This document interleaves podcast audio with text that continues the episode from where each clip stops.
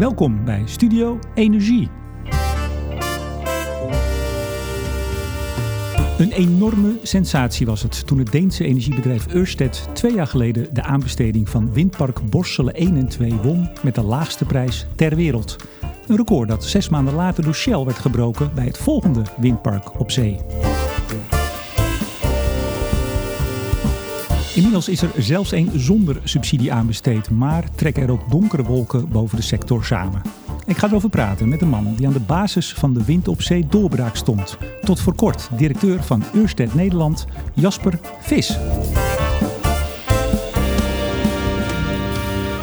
En ook deze uitzending wordt weer mede mogelijk gemaakt door energieleverancier De Nutsgroep, Team Energie van Ploemadvocaten en Notarissen en netbeheerder Stedin. Meneer Vis, hartelijk welkom. Dank u wel. Ik zei het al in de intro, tot voor kort directeur van uh, Ørsted Nederland. Sinds 1 oktober niet meer. We Ja. zitten wel op het Ørsted kantoor hier in Den Haag. U staat ook nog op de loonlijst, heb ik begrepen. Wat, wat doet u hier eigenlijk nog? Nou ja, vandaag een interview. Ehm, ik ben vooral bezig om dingen af te ronden en over te dragen. Eh, per 1 oktober heeft mijn eh, gewaardeerde collega Steven Engels eh, de rol als directeur overgenomen. Dus die taak hoef ik niet meer op me te nemen. Ondertussen valt hier het logo achter ons naar beneden. No- Normaal valt het meestal pas na 20 minuten, maar bij u al in de eerste zin. Dat is wel heel bijzonder. Ja. Ehm, dus ik ben nog bezig om wat, wat kleine dingen af te ronden en op sommige kleine dingen een beetje te helpen. Maar blijft u ook op de loonlijst? Oftewel, blijft u bij Ørsted of gaat u echt helemaal weg? Nee, ik ga, ik ga weg aan het eind van het jaar. Ehm, en iets anders doen. Wat gaat u doen? Nou, ik ga allereerst een boek schrijven. Eh, dat was iets wat eigenlijk al heel lang kriebelde. Eh, ik, ik schrijf regelmatig al eh, blogs over, over energie. Ehm, en er waren regelmatig mensen die zeiden... ja, het is toch een beetje zonde dat dat op een hoekje van internet verstopt staat. Zou het niet leuk zijn om daar iets mee te doen? En dat kriebelde wel een beetje. Dus dat is het eerste wat ik, wat ik wil gaan doen. En wat ik daarna ga doen, dat weet ik nog niet. Dus, Ik zag de laatste was volgens mij juli dit jaar. dat zou wel eens kunnen. Ik heb er, sinds ik directeur geworden ben, heb ik er erg weinig tijd voor gehad. Ehm, en daar hoop ik nu weer wat meer tijd voor te hebben. Waarom stopt u eigenlijk? Nou, het was, het was een soort natuurlijk moment, denk ik. Ehm, dat zal van de buitenkant misschien niet zo lijken, maar eigenlijk eh, is voor eh, het windpark Borselen 1 en 2 eh, alles min of meer in kannen en kruiken. Dus alle grote contracten zijn getekend of bijna getekend. Ehm, dus ja, zeg maar, het windpark waar ik eh, al die tijd hard aan gewerkt heb, dat, dat staat nu helemaal klaar. En dat was voor mijzelf een logisch moment om na te denken, nou, wat nu? En nou, het, het kriebelde wel om, eh, om, om weer eens wat anders te gaan doen. Ik weet nog niet precies wat, maar er gebeurt zoveel op het gebied van de energietransitie eh, hier in Nederland, dat ik eh, me daar geen enkele zorg over maak dat er allerlei leuke dingen te doen zijn. Want ik zag eens even uw cv. U hebt, u hebt verschillende rollen gehad. U bent onderzoeker. U bent natuurkundige, hè? Nou, ik heb natuurkunde gestudeerd, maar niet afgestudeerd. Ik ben halverwege mijn studie ben ik overgestapt naar natuurwetenschap, een bredere natuurwetenschappelijke opleiding in Utrecht. Cum laude, dat wel. Dat wel. Ehm, u, hebt, u bent onderzoeker geweest, ambtenaar nog even Ja. bij het ministerie. Ehm, Natuur en Milieu hebt u gewerkt. Toen bent u naar de olie en gas gegaan, naar TACA. Niet zo heel lang, jaar of drie. Ja. nou, dat is eh, misschien in die zin vergelijkbaar dat ik heb bij, eh, eh, bij Taka gewerkt aan de gasopslag Bergenmeer in Noord-Holland. Ehm, en daar heb ik me vooral bezig gehouden met eh, het verkrijgen van alle vergunningen die daarvoor nodig waren en de politieke discussie over, dat project destijds. Eh, en toen op een gegeven moment daar eh, eigenlijk de besluitvorming rond was en er dus groen licht was om dat project aan te gaan leggen, dat was voor mij ook het moment om, nou, om me heen te kijken. kan ik misschien iets anders gaan doen? En toen werd ik benaderd door, door Ørsted, toen nog Dong Energy, ehm, om daar te gaan werken. In eerste instantie aan de gaskant, maar toen kriebelde het al wel, omdat ik dacht, dit is de marktleider wereldwijd in windenergie op zee. Als Nederland ooit serieus wordt met duurzame energie, dat was toen niet het geval, maar als dat ooit gebeurt, eh, dan is dit wel een hele mooie plek. Eh, nou ja, en een paar jaar later bleek dat uit te komen. Eh, dus dat ik maar drie jaar bij Taken gewerkt heeft, heeft eigenlijk niet zo heel veel te maken dat dat nou een olie- en gasbedrijf was. Eh, maar wel dat het project waar ik aan werkte op dat moment afgerond was. En dat ik de kans kreeg om over te stappen naar een bedrijf wat toen al eh, heel serieus bezig was met duurzame energie. Nog niet in Nederland. Ehm, maar die, eh, die kans die wilde ik niet laten lopen. U bent ook bestuurslid van de NWA. Blijft u dat wel of stopt u daar ook mee? Nee, dat ga ik ook overdragen. want de bestuurszetel, om het zo maar te zeggen, die ik bij NWA heb, die is namens Ørsted. Dus dat ligt ook voor de hand dat, dat Steven Engels dat ook overneemt. Borselen 1 en 2 staat klaar. Althans, uw werk zit erop, zoals u het net al zei. Uh, 2020 moet hij draaien. Ja. Uh, gaat het lukken overigens? Ja. een beetje zuinig, ja. Nou, nee, dat is niet zuinig. Dat is eerder een soort beslist. Uh, er, is natuurlijk, er is natuurlijk veel discussie over van hoe gaat dat dan met zo'n project. Ehm, maar eigenlijk vanaf het moment dat we die tender gewonnen hadden... Uh, hebben we gebruik kunnen maken van de, van de internationale expert, expertise... en eigenlijk de ervaring die, die Ørsted daar al mee heeft. Dus het is, Ørsted heeft al meer dan 20 windparken op zee gebouwd. Dus in die zin, ehm, ja, dat klinkt misschien een beetje gek... maar het was, was het niet zo heel spannend. Ik bedoel, het is natuurlijk altijd spannend, zo'n groot project... Um, maar het was wel iets wat het bedrijf al heel veel vaker gedaan heeft. Dus op... Wereldmarktleider, Ørsted? Ja. ja. Nog altijd? Zeker. Uh, en volgens mij ook wel de ambitie om, dat, uh, om die positie te behouden. Uh, maar het gaat heel snel in de sector. Dus in die zin zie je ook dat het aantal bedrijven wat actief is in windenergie op zee heel snel toeneemt. Maar die ervaring die hebben we dus heel erg kunnen gebruiken. En dus ook heel veel collega's die internationaal op andere projecten gewerkt hadden, die nu aan dit project gingen meewerken. Uh, dus dat is eigenlijk vanaf het begin een heel plezierige manier geweest om dat te doen. En ik heb dus echt geen enkel moment getwijfeld of het zou gaan lukken met, dat, met het realiseren van het windpark. We gaan eerst nog even terug naar de, de tender. Um, 15 cent per kilowattuur was op een gegeven moment een beetje het, het vastgeklikte bedrag door ECN. Dat zou het ongeveer kosten. 2013 was dat nog hè, als, als basis. de tender werd uitgeschreven, 12,4 cent was er uh, was het maximum. Daarboven had je geen kans, daaronder uh, wel. Nou, u ging met 7,27 cent daar flink onder. Eigenlijk bijna in één keer die 40% die de branche had afgesproken met, het, met de overheid... die op termijn gehaald zou moeten gaan worden qua kostenreductie. 40% werd nou, eigenlijk in één klap min of meer gehaald. Heeft ECN toen dat referentiebedrag uh, veel te hoog ingeschat... of bent u gewoon veel te laag erin gedoken? Nou, ik denk het laatste zeker niet. Uh, nou ja, en anders zou ik natuurlijk ook niet zo. U verdient er een goede boterham aan. Nou ja, ik zelf niet zozeer, maar, uh, maar Ørsted wel. Werkt er nog. Ja, oké, okay, goed. De Ørsted verdient daar een, een goede boterham aan, anders zouden ze niet in dat project investeren. Kijk, de ontwikkeling is in die periode zo snel gegaan dat ik denk dat het voor een instituut als ECN heel moeilijk was om, om dat in te schatten. Wij hebben in die periode ook tegen het ministerie gezegd: eigenlijk maakt het niet zo heel erg veel uit hoe hoog dat maximum is, als het goed is. Want als het goed is, dan is dat maximum eigenlijk niet heel erg betekenisvol. Anders dan dat de overheid zegt: meer dan dit zijn wij niet bereid om ervoor te betalen. Maar toch even, ik sprak in die tijd met eh, Hans Timmers, de, de voorzitter van de NWA. Die was toen bij de grote windconferentie in Duitsland, de jaarlijkse, de Europese. Daar was een beetje een poeltje rondgegaan van: nou, waar gaat die voor weg? Niemand zat op 7,27 cent. Niemand had dit gedacht. Nee, dat klopt. En ik denk ook, kijk, er was toen heel veel uh, sceptisch of die 40% wel gehaald zou worden. Um, waarbij ik altijd zei, als je denkt dat we dat in Nederland alleen moeten gaan halen, dan is het antwoord dat we dat niet gaan halen. Maar die haalden we toch meteen? Ja, maar dat kwam niet door niet, niet zozeer of niet alleen door wat Nederland deed, maar vooral ook door de ontwikkeling in de landen om ons heen. In de jaren daarvoor was er uh, in Duitsland, Denemarken, maar vooral ook in het Verenigd Koninkrijk op zeer grote schaal geïnvesteerd in windenergie op zee. Daar in, in, Denem, of sorry, in Groot-Brittannië was ook een doelstelling voor ongeveer 40% kostenreductie. En doordat die ontwikkeling daar zo snel was gegaan en er daar zoveel windparken gebouwd werden, daardoor was het mogelijk dat in Nederland die prijs ook zo hard naar beneden ging. En wat mij toen opviel, was dat de focus uh, in Nederland nogal gericht op wat gebeurt er in Nederland. Dus het aftelpunt was toen nog heel erg het Gemini-windpark uh, boven Schiermonnikoog. Want dat was het laatste windpark uh, wat er in Nederland getenderd Goud, was. geld kostte het? Ja, daar, toen, destijds moest daar veel voor betaald worden. Dus dat was een beetje het aftelpunt.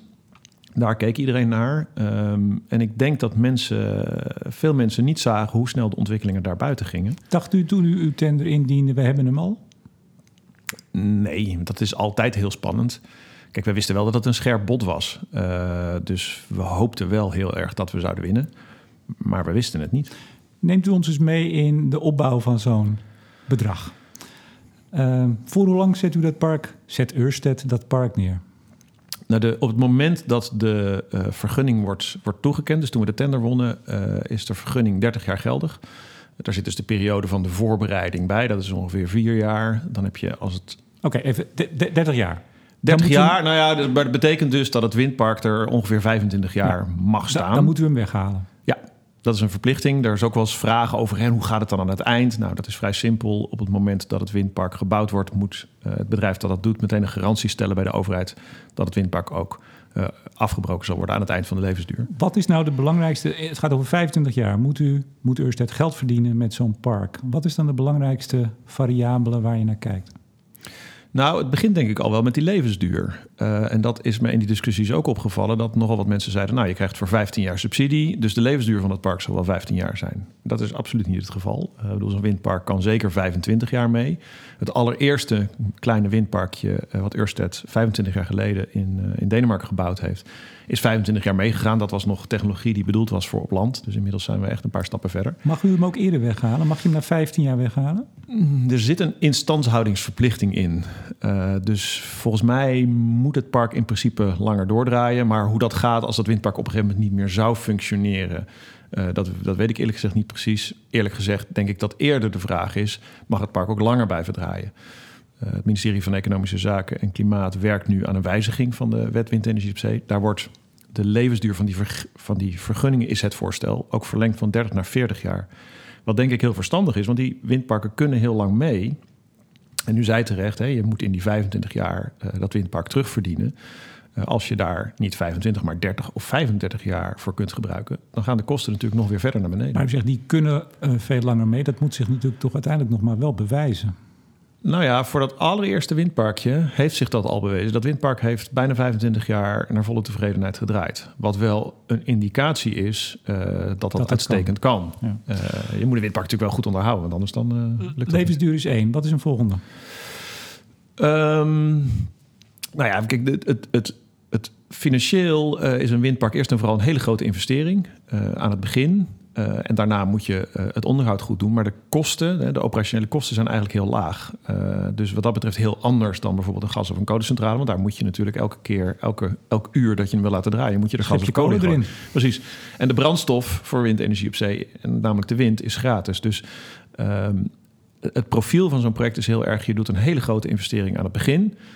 Daarna moet je het gedurende de hele loop, looptijd goed onderhouden. Uh, maar zijn de kosten, de, de, de, lopende kosten, eigenlijk vrij laag. U begrijpt, ik probeer gewoon te achterhalen wat nou de factoren zijn. Stroomprijs bijvoorbeeld? De verwachting van de stroomprijs. De factoren waarom dat bod toen zo laag was? Ja, wat bepaalt dat je op 7,27 zit? Wat zijn de nou knoppen ja. waar je aan draait? Nee, de, de belangrijkste, uh, de, de, belangrijkste vraag, zeker in, in, in, in dat systeem hè, met een, met een uh, gegarandeerde uh, prijs per kilowattuur. De belangrijkste vraag is eigenlijk: wat kost het om dat windpark neer te zetten? Dus wat kosten de windturbines, wat kosten de fundering, wat kosten de kabelen, kabels, wat kost het om dat geheel neer te zetten? Uh, en dan vervolgens ook wat kost het vervolgens elk jaar om dat windpark draaiend te houden. Maar na die 15 jaar ben je uit de subsidie en dan moet je het met de stroomprijs doen. Ja, dus als je je, je business case uh, berekent, dan moet je ook uh, een, een, inschatting maken van de stroomprijs voor de komende 30 jaar. Dat kan toch eigenlijk helemaal niet? Nou, dat is, dat is heel lastig. Uh, en dat is ook wel... lastig of kan het gewoon eigenlijk niet? Nou, je kunt, het, je kunt het alleen maar doen met een hele grote onzekerheid. Dus iedereen die zegt, uh, ik teken hier een curve... zo gaat de elektriciteitsprijs de komende 30 jaar uitzien... die uh, neem ik met een, een heleboel zout. Uh, en ik neem eigenlijk iemand pas serieus als die zegt... van nou, de, ik schets hier twee mogelijke ontwikkelingen... of ik schets de ontwikkeling die ik verwacht... met daar, maar daar een onzekerheidsmarge omheen. Want die is heel erg groot. Dan kreeg u voor 727 dat park, was een wereldrecord. Ik geloof 10,3 was het op dat moment de laagste in Denemarken. Was ja. dat ook uw park in, van Ørsted? Nee, nee uh, jawel, ja. jawel. Anholt, ja, oh, was ook een park dus U had hem al als bedrijf. Toen kwam Borselen 3 en 4, halfjaartje later. Uh, u hebt niet meegeboden. Jawel. U hebt wel meegeboden? Zeker wel. Al met de, met de subsidievrije, daar komen we zo. Ik loop te ver vooruit. Uh, wel meegeboden, niet gekregen. Was u teleurgesteld? Ja, natuurlijk. Uh, kijk, je doet mee aan een tender om hem te winnen. Uh, want anders moet je niet meedoen. Uh, en wij hadden natuurlijk graag dat windpark ook gebouwd. Had u gedacht dat u hem zou krijgen? Ja, tot op zekere hoogte wel. Ik bedoel, we hadden natuurlijk Borstel 1 en 2 gewonnen. En wij waren in de veronderstelling dat de omstandigheden in het halfjaar tijd niet zo vreselijk zouden veranderen. Dat, dat bleek er anders uit te zien. En u kon als uh, bouwer en exploitant van 1 en 2, dat eerste park, natuurlijk ook voordelen behalen ten opzichte van de partij die daar nieuw moet beginnen. Ja, dat klopt. Je hebt, je hebt, je hebt absoluut synergie-effect als je twee windmolenparken hebt die, uh, die rechtstreeks tegen elkaar aanleggen. Je kunt ze ook nog eens in dezelfde periode bouwen. Dan heb je daar absoluut een voordeel aan. U was teleurgesteld, maar was u ook, ik zou bijna zeggen, geschokt? Had u gedacht, nou, dit kan niet, die, is voor ons? Nee. Nee, dat komt misschien ook wel um, omdat wij ook de reacties hadden gezien van de andere bieders bij Borselen 1 en 2. En daar ook, wat was het, zes, zeven partijen zagen... die er allemaal op hun beurt van overtuigd waren dat zij zouden winnen. Shell um, bijvoorbeeld, die waren niet zo blij dat u won. Nee, maar ik denk dat... U is een staatsbedrijf. Dat, uh, die hebben misschien wel voordeel gehad. Ja, nou, ik, ik, ik, ben heel benieuwd hoe dat dan had, uh, had moeten werken. Inmiddels uh, is, uh, is Ørsted voor 49% aan de beurs genoteerd. Dus is dat volgens mij ook een, een, een hele andere discussie. bent u toch nog steeds een staatsbedrijf met 51%? Nou, gedeeltelijk een staatsbedrijf, absoluut. Maar dat speelt hier een meerderheidsbelang. Het meerderheidsbelang is in handen van de Deense overheid, absoluut. nee, maar goed, weet je, ik, ik, ik zag toen heel nadrukkelijk dat in zo'n tender leeft binnen alle bedrijven die aan zo'n tender mee gaan doen uh, het gevoel: dit is ons project. Dus er waren zeven of acht, ik weet niet precies, bedrijven die op dat moment het gevoel hadden: Borstel 1 en 2 is ons je, project. Je werkt ook wel even aan, hè, zo'n tender. Precies. Er heel veel ehm, werk in. Dus dat betekent ook dat als je dan te horen krijgt dat een ander, andere partij dat die tender gewonnen heeft, dat is een gigantische teleurstelling. Want van de ene op de andere dag is dat project binnen, de, binnen jouw bedrijf dood. Uh, dus dat is een hele grote teleurstelling. Dus wij hadden dat ja, vanaf de andere kant gezien. Maar we wisten natuurlijk ook heel goed dat dat kan gebeuren. Dat hoort erbij in een tender. Uh, de, de, concurrentie is, uh, is stevig. En dan kun je nou, verliezen. Dan ging dat park voor 5,45 cent gemiddeld dan even. Echt flink lager nog, hè? Ja. Wat dacht u toen u die prijs hoorde? Um, nou ja, dat, de, de, de winnaar was duidelijk. Uh, nee, dat, dat, dat snappen we. Maar wat, wat dacht u toen u die, die prijs hoorde? Nog zo'n stuk onder uw 7,27 een half jaar daarvoor. Nou, ik denk dat het eerste wat ik dacht was... Uh, het hal, een half jaar daarvoor, zoals u terecht zei... waren er wel mensen die zeiden... zo, dat is laag, kan dat eigenlijk wel? Uh, en dit liet wel zien dat, het, dat het er niks mee te maken had... dat wij nou een hele rare inschatting maakten... of veel te agressief waren. Maar dat het een ontwikkeling was die breed in de sector ingezet was. Dat de kosten van windenergie op zee daadwerkelijk heel hard uh, naar beneden zijn gegaan. En dat is daarna natuurlijk ook wel gebleken, ook in de landen om ons heen. Denkt u dat Shell ook een goede boterham verdient met borstelen 3 en 4? Nou, dat moeten we aan Shell vragen. Maar wat denkt u? U bent, u bent bestuurslid bij de NW, bij de branchevereniging. U overziet dat veld. Ja, maar daar praten we binnen de branchevereniging niet over. Dat moet iedereen, dat moet iedereen voor zich uitmaken. Uh, hoe die zijn, uh, zijn windparken bouwt en onderhoudt en, en, en daaraan verdient. Kijk, ik denk dat een uh, een groot voordeel van ook Borselen 3 en 4 is dat, um, dat dat windpark een langjarige zekerheid heeft over de inkomsten per geproduceerde kilowattuur. En dat geeft een heleboel zekerheid en maakt een project als investeerder ja, interessant. Is die 5,45 een reële prijs? Laat ik het u zo vragen. Ja, ik zou niet weten waarom niet. Maar goed, kijk, het is, niet, het is, het is, het is geen project van Ørsted. Dus in die zin is het voor mij wat lastig om, daar, uh, om daarover te praten. Nee, maar u, bent, u bent een kenner van de markt. Daar, ja. Zo vraag ik het u. Ja. Nou ja, ik, ik, ik, ik twijfel er niet aan dat dat project gerealiseerd zou worden. En uh, het consortium uh, wat dat windpark gaat realiseren... heeft afgelopen zomer de definitieve investeringsbeslissing genomen. Nou, dat is volgens mij helder. Dat ze gaan het bouwen. en dat gaan ze niet doen als ze daar geen, geen brood in zouden zien. Maar er waren ook een aantal partijen, er zijn een aantal partijen, die echt de boot niet willen missen. Die absoluut in het wind op zee spel, de markt, in willen stappen. Dat zou toch kunnen betekenen dat een partij genoegen neemt met een hele dunne, misschien wel bijna geen marge, om maar mee te kunnen doen? Of kan dat niet? Ja, dat is natuurlijk aan elk bedrijf voor zich om daar, uh, om daar keuzes in te maken. Uh, ja, ik, ik kan niet in de keuken kijken bij andere bedrijven. Welke prijs hebt u toegeboden? Dat weet ik eerlijk gezegd niet eens meer. Maar hoger. En als ik het wel zou weten, dan zou ik het niet zeggen. Maar uh, de, uh, hoger, want anders dan, uh, dan zouden zij die tender niet gewonnen U weet het echt niet meer? Nee. Nee, maar goed, kijk, ik denk dat dat ook wel laat zien wat er gebeurt. Als je een, als je een tender wint, dan ga je vervolgens heel hard aan de slag om dat project te realiseren. Dus dat is wat we de afgelopen jaren met, met Borstel 1 en 2 gedaan hebben. daar hebben we dag en nacht aan gewerkt. Eh, ja, en borsten 3 en 4. Ik zal niet zeggen dat ik het echt al helemaal vergeten ben. Maar ja, dat is nu het project van Shell, Van Oort, Eneco en, uh, en Mitsubishi. Maar goed, als ik nog wel wist, zou ik niet zeggen, zei u al. Hè? Dat klopt. Ja.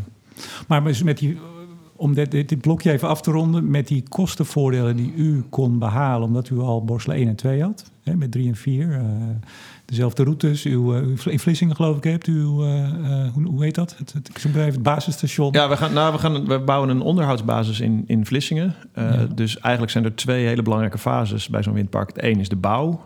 nou, daar hebben we nu het grootste deel van de contracten voor afgesloten. Uh, als dat klaar is, dan gaat natuurlijk iedereen die meegewerkt heeft aan de bouw van dat project, die, die gaat weg en die gaat weer ergens anders aan een nieuw windpark uh, werken. Maar er zijn mensen nodig die dat windpark 25 jaar lang uh, optimaal laten draaien. En dat gaan we vanuit Vlissingen doen. Precies, maar, maar daar, daar heeft u dus al die basis, al die voordelen zou u hebben gehad als u 3 en 4 had. En nog kwam u op een hogere prijs dan Shell, die helemaal van nul af aan moet beginnen. Ja. En toen kwam er dit jaar een, het eerste subsidievrijpark. En daar hebt u niet opgeboden. Dat klopt. Waarom? Althans in Nederland niet.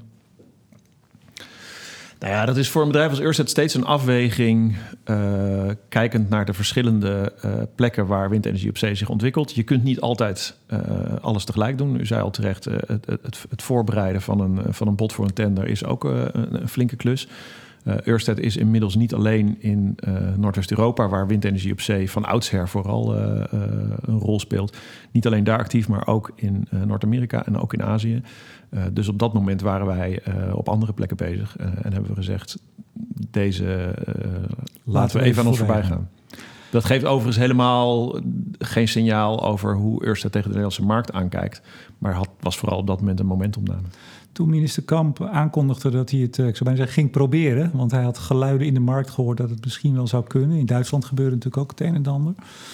Um, dacht u toen meteen, nou, dit, uh, dit gaat wel lukken, de eerste subsidievrije tender in Nederland? Nee, ik vond het heel spannend. Ik vond het op dat moment uh, een grote gok, om heel eerlijk te zijn. Het was gebaseerd op de uitslag van een tender in Duitsland, kort daarvoor, waar Ørsted en 1BW aangeboden hadden zonder, om windparken zonder subsidie te gaan realiseren. Um, dat was wel wat verder in de toekomst. Dus die windparken die worden uh, later gerealiseerd dan Hollandse Kust 1 en 2. Uh, de eerste subsidievrije tender in Nederland. Dus ik vond het wel een, een gewaagde stap, uh, om heel eerlijk te zijn. Maar denkt u dat het ministerie alleen op basis daarvan dacht het gaat wel lukken? Ik neem toch ook aan dat ze breder in de sector in Nederland ook eens polshoogte nemen van jongens, zou dit kunnen gaan vliegen? Uiteraard. En ik, vind ook dat het ministerie dat afgelopen jaren heel goed gedaan heeft. Steeds uh, nagegaan is wat gebeurt er. Overlegd heeft met de sector, maar ook overlegd met andere actoren van hè, welke ontwikkelingen uh, dienen zich aan. Uh, maar dit is wel de moeilijkste om te vragen. Om vooraf, voordat je een tender gaat houden, aan partijen te vragen: wat denk je dat er gaat gebeuren? Ja, die partijen gaan natuurlijk nooit uh, vertellen uh, wat ze gaan bieden of hoe ze daar tegenaan kijken. Dus dat is heel lastig. En het had er vooral, naar ik begreep het, mee te maken dat ze de inschatting, inschatting had: het zou kunnen gebeuren. Het is in Duitsland gebeurd, dus het is in Nederland ook denkbaar dat er een bod gedaan wordt zonder subsidie. Nu zei u, had de prioriteit even elders liggen in de wereld, niet in Nederland. Als u nou toch in Nederland had meegedaan, had u op dat moment een uh, aanbieding durven doen zonder subsidie? Ja, dat kan ik niet zeggen, omdat we er omdat we er dus voor gekozen hebben om niet aan die tender mee te doen. Dus we ook die voorbereiding uh, niet in die zin gemaakt hebben die je moet doen om dat besluit te kunnen nemen. U hebt er niet aan gerekend? Nou, niet, niet voldoende om, om daar uitspraak over te kunnen doen. Want hebt u nog wel eerst toch even, toen de tender openging, er toch naar gekeken... en toen uiteindelijk besloten Ørsted wereldwijd nou toch maar niet? Of hebt u er helemaal niet naar gekeken? Nee, natuurlijk. Ik bedoel, we, natuurlijk volg je de ontwikkelingen uh, heel nauwgezet. Dus ook de discussie over uh, hoe gaat het systeem voor deze tender er in Nederland uitzien... Uh, volgen we uiteraard. Nou was het niet één partij die subsidievrij aanbood, maar er waren zelfs vier. Ja. Dat u verrast? Nou, ik vond het heel moeilijk vooraf om in te schatten. Um, ik denk wel dat dat aangeeft dat het niet uh, één bedrijf was die een bepaalde keuze maken, maar dat dat een, een, een bredere inschatting was. Dat er meerdere bedrijven waren die dat, uh, die dat project tegen, onder die voorwaarden wilden realiseren. Nou was uh, Vattenfall nu, want Vattenfall heeft hem gewonnen. De, volgens mij de bestuursvoorzitter daarvan, die zei twee weken voor het sluiten van de, de tender. Nou, enorme gok. bij zeggen, nou wat de gekte voor geeft bijna. Uh, was dat uh, misschien toch uh, strategisch om wat partij op afstand te houden? Of? Ik heb geen idee. Maar hoe gaat het dan in... Nogmaals, u zit in die, u zit in die branche, hè?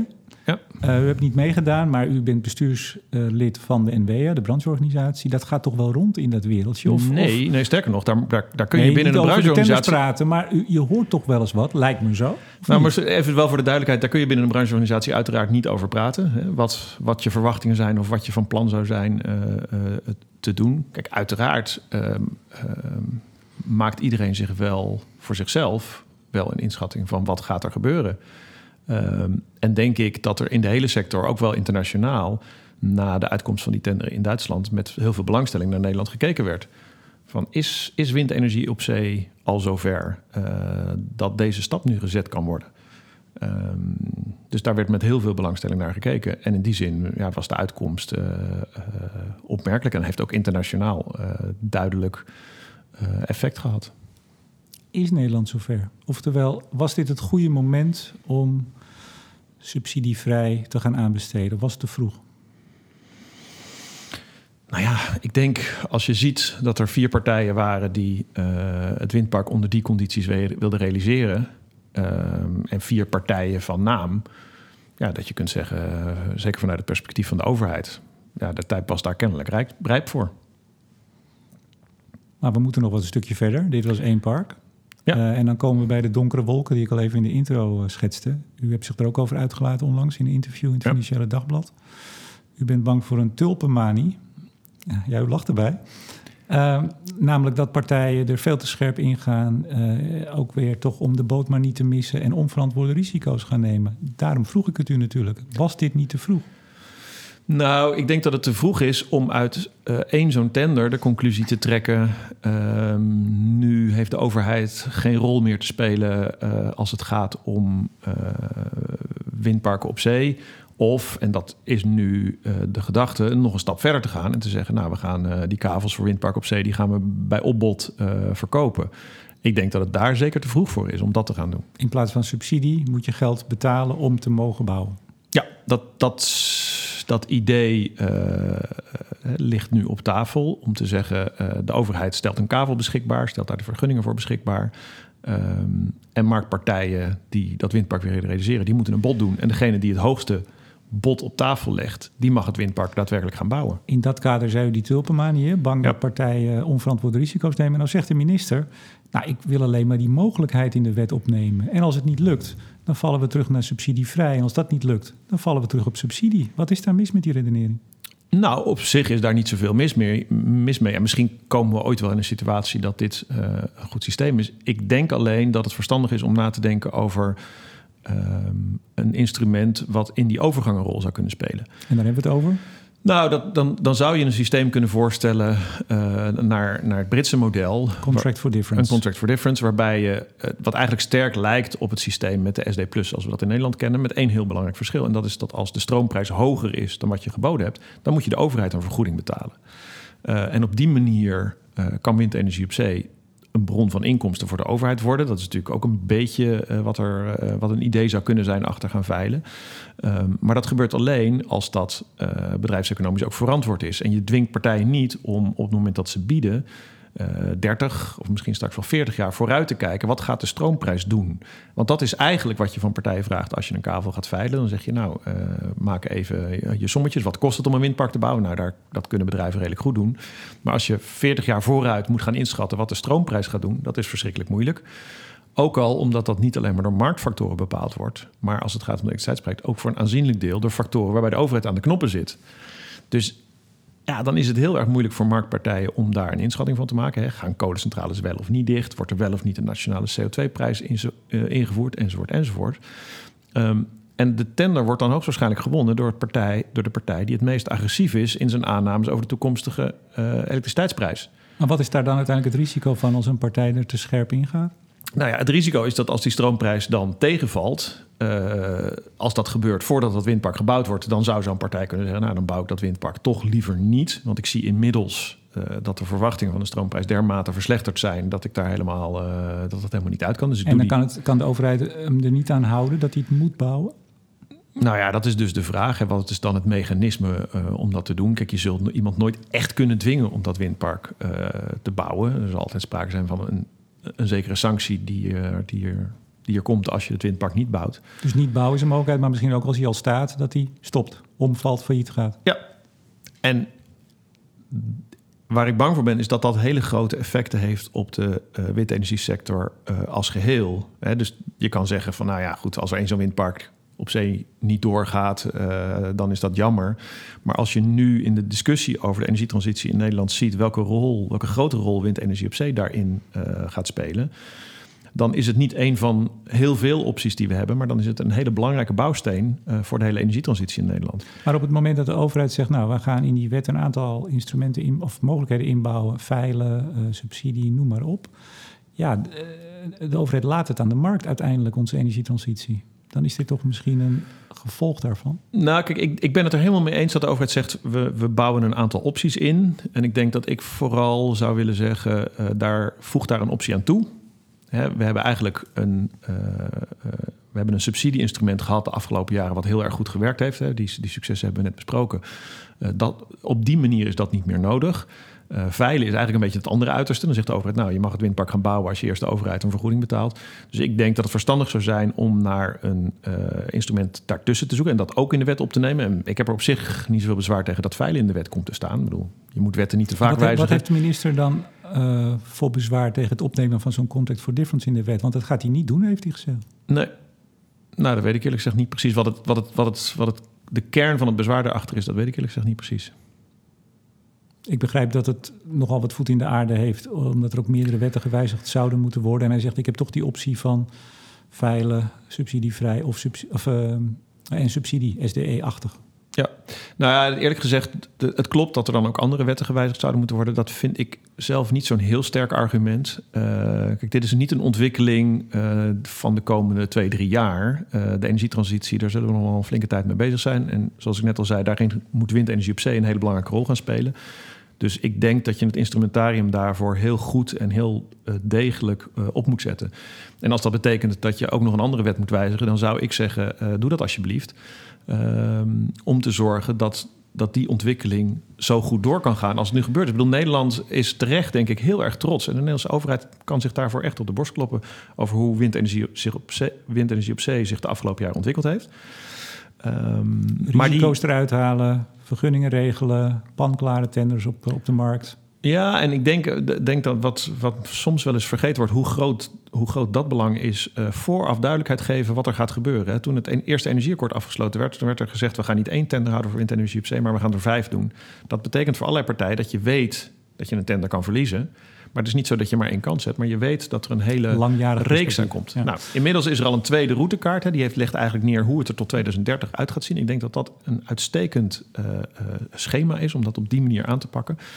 Maar ik denk dat op het punt van het instrument van hoe verdeel je nou uh, die kabels, hoe, hoe zet je die in de markt en hoeveel zekerheid moet je marktpartij daarbij geven, dat het risico is dat er nu een stap te snel gezet wordt en dat daar een, een tussenstap in nodig is. Nou, noem u zelf net even in een zin uh, de kolencentrales. Ja. Um, de, de windsector wil eigenlijk zekerheid. Uh, Zo'n contract for difference biedt zekerheid. Een als, bepaalde al, mate van zekerheid. Ja, als het meevalt, nou, dan uh, hebben we allemaal mazzel. En als het tegenvalt, dan uh, krijgen we een, een, helpende hand. Maar bijvoorbeeld de kolencentrales, die moeten het toch ook zelf rooien? Er zijn er zelfs drie nieuwe gebouwd en die moeten nu gesloten worden ver binnen de levensduur. Is het niet gewoon een, een risico wat een bedrijf als Ørsted en anderen lopen... op het moment dat ze in de markt stappen? Nou, kijk, ik denk dat je nu al ziet, daar hadden we het er straks over, als een uh, windpark op zee 25 jaar draait, of straks 30 of 35 jaar, uh, dan is nu die, die subsidie voor de eerste 15 jaar. En daarna uh, is het project gewoon blootgesteld aan de markt. En zoiets zou ik me bij zo'n contract for difference ook voorstellen, dat dat voor een bepaalde periode is. En daarna doe je gewoon mee op de elektriciteitsmarkt. als elke andere partij. In, in, het klimaatakkoord op dit moment, de duurzame energiesector breed in Nederland, die wil eigenlijk in 2025 van subsidie af subsidievrij zijn. Dat is natuurlijk een prachtig streven. Zeker. Maar tegelijk zie je dat er toch zekerheden gevraagd of ingebouwd zouden moeten worden. Is dat niet een hele dubbele manier van opereren? Nou, dat weet ik niet. Kijk, ik denk dat het allereerst de duurzame energiesector wel trots mag zijn op het resultaat wat er bereikt is. Het is natuurlijk heel lang gegaan over uh, duurzame energie is duur en het vraagt heel veel subsidie. Ik bedoel, nog maar een paar jaar geleden hadden we het bij windenergie op zee alsmaar over de miljarden die dat zou gaan kosten. Dat leek toen ook zo? Dat leek ook zo. En er was heel veel sceptisch over die kostenreductie. Die is gerealiseerd. Is het gewoon te hard gegaan eigenlijk? Is dat het? Nee. Nou ja, kijk, het is misschien wel te hard gegaan uh, uh, in relatie tot de instrumenten die de overheid heeft. Die waren natuurlijk heel erg gebaseerd op uh, duurzame energieprojecten. Worden alleen gerealiseerd als er subsidie is. Daar hadden ze een systeem voor. Dat werkte heel erg goed. Heeft ervoor gezorgd dat die subsidies heel hard naar beneden gingen. Er was ook al nagedacht, eerlijk gezegd wist ik dat haast niet. Maar toen uh, minister Kamp zei, we gaan nu uh, het windpark eerst proberen zonder subsidie. Ik was eigenlijk vergeten dat er daar al een, uh, een mogelijkheid voor in de wet stond. Die was er al inge ingebouwd. maar dat was nog niet heel erg doordacht. En ik denk in die zin dat het snel gegaan is, dat het beleidsinstrumentarium nog niet helemaal geschikt is voor die nieuwe periode. En dat dus nu de vraag op tafel ligt. We komen in een nieuwe periode waarbij duurzame energie niet zoals eerder structureel subsidie nodig heeft. Maar wel zekerheden. Een, een, bepaalde mate van zekerheid wel. En dat heeft er, wat ik er straks uh, uh, zei, uh, heeft daar een boel mee te maken. Je doet als je een duurzaam energieproject bouwt, dan doe je een hele grote investering aan het begin. En daarna heb je maar heel weinig kosten, ja, want je brandstof is gratis. In hoeverre is dit anders dan bij een kolencentraal voor anderhalf miljard neerzetten? Nou, de, een verschil is dat je in een kolencentrale brandstof moet gooien. Uh, dus nee, daar... maar even over, over ondernemers of ondernemingsrisico. Ja, het is een, het is een, een boeiende. Nou, mag ik daar dan, dat zeg ik dan een persoonlijke titel? Die kolencentrales hadden nooit gebouwd moeten worden. En dat kan ik op persoonlijke titel zeggen, omdat ik dat 15 jaar geleden, toen die discussie woedde, ook gezegd heb. Um, ik denk dat in een. Nee, maar daar hebben die bedrijven op dit moment natuurlijk niet zo heel veel aan. De, de overheid heeft het ze letterlijk gevraagd om ze te bouwen. En nou, of dat zo letterlijk was, weet ik Nou, ik, ik vraag me, dat wordt nu gezegd, ik vraag me af of dat zo letterlijk is. De overheid heeft toen wel gezegd, er moet nieuwe capaciteit komen. Uh, en er was toen niet zoveel aan. Heeft, let, heeft letterlijk om kolencentrales gevraagd. Nou ja, goed, misschien... misschien voert dit nu te ver voor dit uh, gesprek. Ja, nou, maar goed. Ik, het gaat over risico lopen als onderneming. Ja, nou laat ik, daar, laat ik daar nog wel over zeggen dat we in de energietransitie in Nederland ons afvragen hoe kunnen we onze energievoorziening verduurzamen. Daarin uh, kan windenergie op zee een grote rol spelen. Uh, daar heeft de overheid de afgelopen jaar een hele grote rol in gespeeld om dat mogelijk te maken. Ik denk dat je niet van, op, van de een op de andere dag kan zeggen: die rol nemen we helemaal weg. Sterker nog, we gaan het als een bron van inkomsten zien. Maar dat je daar een tussenfase in nodig hebt. En uiteindelijk, want die kostenreductie van windenergie op zee is ook nog niet klaar. Uiteindelijk denk ik ook wel dat je in, in die, in die nou ja, nog rooskleurige toekomst terecht uh, wat ik, komen. Wat ik tot slot, ja. wat ik niet zo goed begrijp, is uh, dat, dat huwelijk tussen de, de markt en de overheid, dat was fantastisch. Hè? daar zijn allerlei condities geschapen door de overheid. Daar is de markt heeft daarop ingespeeld. Het is een wereldsucces geworden. Hoe kan het nou dat daar nu zoveel herrie in het huwelijk is?